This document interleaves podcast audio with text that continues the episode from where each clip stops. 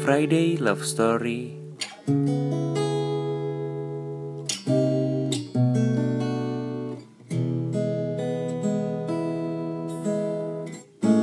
With Mike Marshall.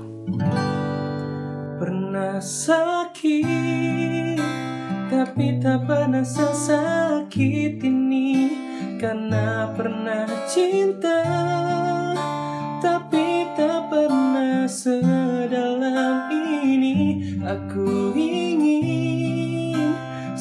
cintamu hanya untukku Karena ku tak rela Kau bagi untuk hati yang lain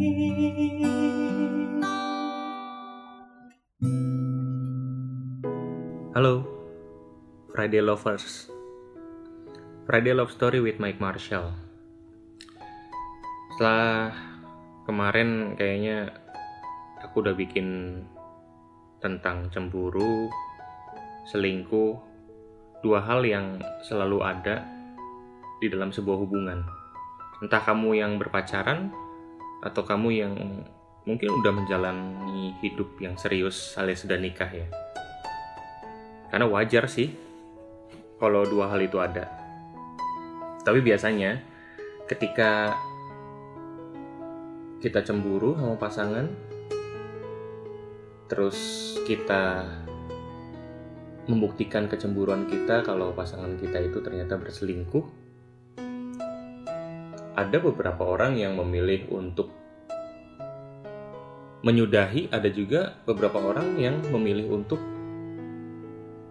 meneruskan karena ingin memberikan kesempatan buat pasangannya.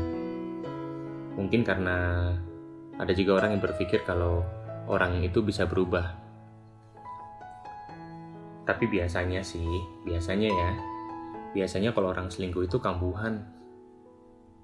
Mungkin sekarang dia nggak nggak kepikiran untuk selingkuh lagi, tapi next ya balik lagi sih ya, tergantung orang. Namanya juga orang, kadang-kadang hari ini bilang A, besok bilang B. Kadang-kadang hari ini ngomong C, besok bilang Z mungkin. Kalau kata Obama bilang sih, ya, people change. Orang bisa berubah. Tapi kalau dilihat dari grafiknya, grafik bahasanya apa ya? Eh, perjalanan kisah cinta atau perjalanan perasaan seseorang dari jadian, PDKT, terus akhirnya cemburu, selingkuh, putus.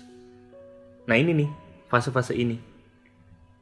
Kalau di sini sih sekarang aku pengen coba ngomongin soal habis selingkuh putus ya.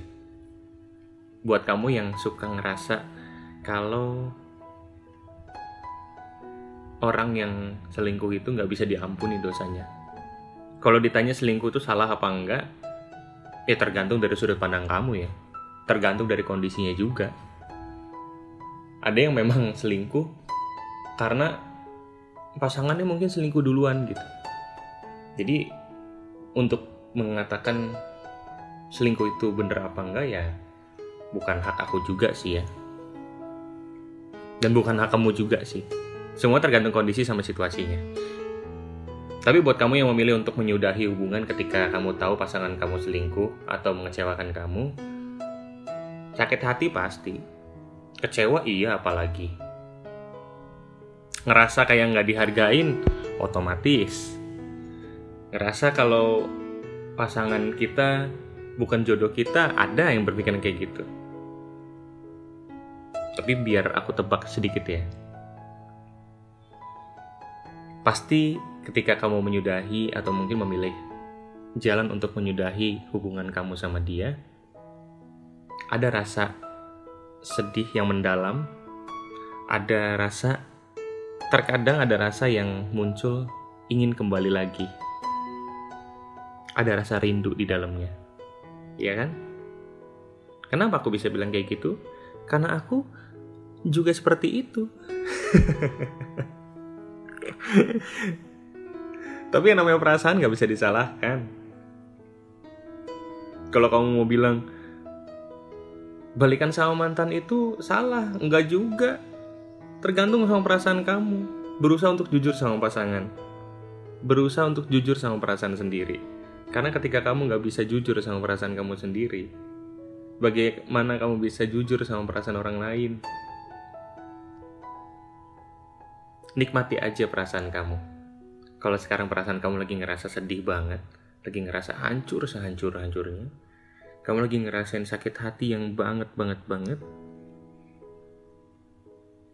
gimana cara menghilangkannya, gimana cara ngobatinnya, banyak cara sebenarnya, Friday Lovers. Banyak cara.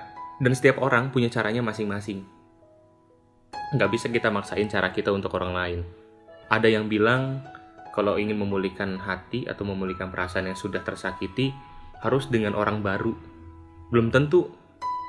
Malah justru ada orang yang nemu orang baru nih, ketemu sama orang baru, tapi perasaan sakit hatinya masih ada. Tapi justru ada orang yang diem, tidak melakukan apa-apa, tapi hatinya sembuh sendiri. Jadi kan tergantung gimana orangnya ya. Dan buat kamu sekarang yang lagi ngerasain sakit hati, kamu lagi ngerasain sedih, yang tiap malam nangis, melukin guling, tiap malam kebayang muka dia, tiap malam kebayang ingatan-ingatan tentang perjalanan kisah cinta kamu sama dia, ada beberapa orang mungkin yang berpikiran termasuk termasuk aku ya yang berpikiran kalau ketika kamu sakit hati ketika kamu harus menyudahi hubungan kamu nikmati rasa sakit itu. Sama halnya ketika kita minum kopi Ibaratkan rasa sakit hati itu adalah rasa pahit dalam kopi. Jarang banget ada orang yang suka rasa pahit. Tapi ketika kamu bisa menikmatinya, tanpa sadar kamu menemukan beberapa rasa bahagia di dalamnya. Kalau nggak percaya, coba deh tanya sama orang yang suka minum kopi pahit tapi kalau udah nemu cara menikmatinya kamu bakal nyaman. Begitu juga dengan sakit hati. Kamu coba untuk nikmati rasa sakit hati kamu. Dan sebisa mungkin kamu juga bangkit. Kamu kumpulin niat kamu untuk bisa kembali lagi kayak dulu memulihkan perasaan. Kalau aku sih lebih memilih untuk tidak um, jatuh cinta dengan orang lain lagi karena kasihan orang lainnya. Dalam tanda kutip seperti dijadikan pelarian nih. Kasihannya kenapa? Kasihannya karena coba aja kalau misalkan kondisinya dibalik. Kamu yang dijadiin pelarian. Pasti nggak mau kan? Atau jangan-jangan kamu mau? Ya balik lagi ke pilihan masing-masing sih ya. Ada yang memilih untuk jadi pelarian karena tahu pada akhirnya akan menemukan kebahagiaan. Tapi ada juga yang memilih untuk tidak menjadikan pelarian karena pernah mengalami yang ujung-ujungnya justru penderitaan. Agak sulit sih memilihnya, Friday Lovers. Tapi hidup adalah pilihan Perasaan gak bisa didiamkan. Perasaan juga gak bisa dijadikan pencitraan. Semua tergantung dengan keadaan.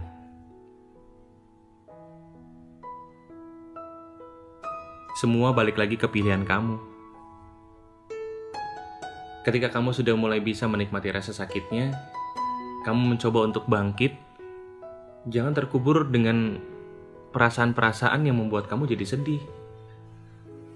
Kadang ada beberapa orang yang ketika dia lagi ngerasain sakit hati, justru dia lebih memilih untuk meratapi dibandingkan mencari solusi.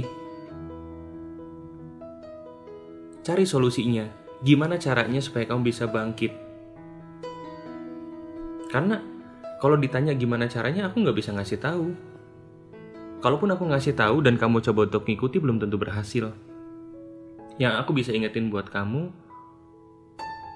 ayo dong, bangkit. Jangan terpuruk sama masa lalu. Kalau Inul Daratista bilang, masa lalu biarlah masa lalu. Jangan kau ungkit, jangan tinggalkan aku. Tapi kalau udah ditinggalin ya mau gimana lagi? Biasanya sih, kalau lagi sakit hati, kalau aku lagi banyak banget ngerasain kecewa, sedih gitu, jalan satu-satunya adalah banyak nongkrong sama temen. Percaya apa enggak, temen itu mungkin nggak bisa menyembuhkan rasa sakit hati kamu.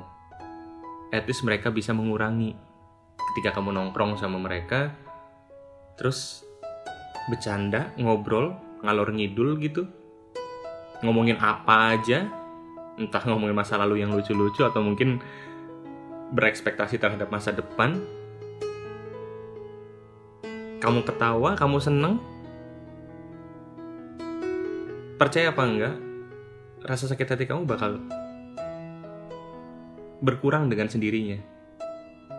Dan kalau kamu banyak nongkrong sama temen, mungkin dari tongkrongan itu kamu bisa menemukan hal-hal baru yang membuat kamu jadi bangkit. Bukan cuma hal baru, siapa tahu bisa menemukan orang baru yang bisa membuat kamu nyaman dan mengobati rasa sakit hati kamu itu. Nikmati rasa sakit hatinya. Coba mencari solusi, bukan meratapi. Karena ketika kamu merasa sedih dan kamu memilih untuk meratapi,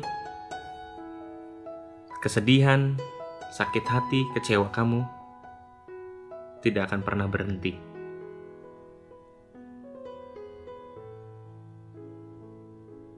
Dan terakhir, buat kamu yang lagi ngerasain sakit hati atau pernah ngerasain sakit hati gara-gara diselingkuhin atau mungkin dikecewakan sama pasangan kamu.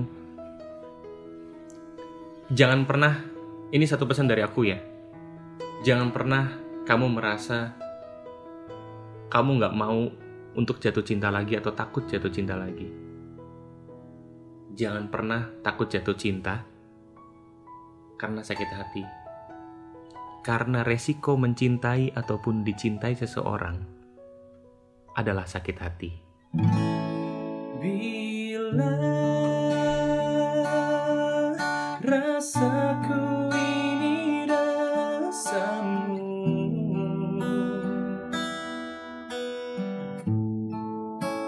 Sanggupkah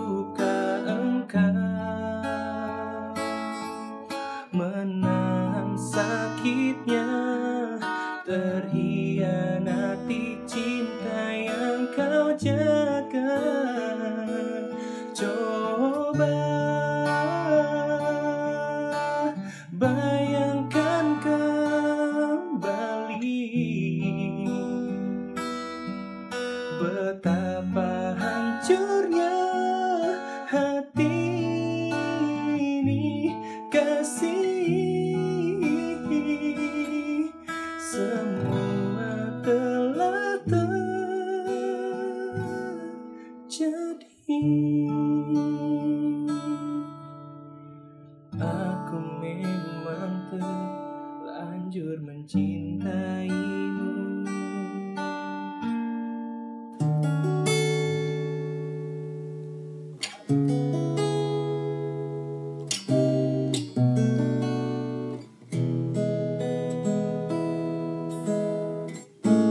Friday Love Story with Mike Marshall.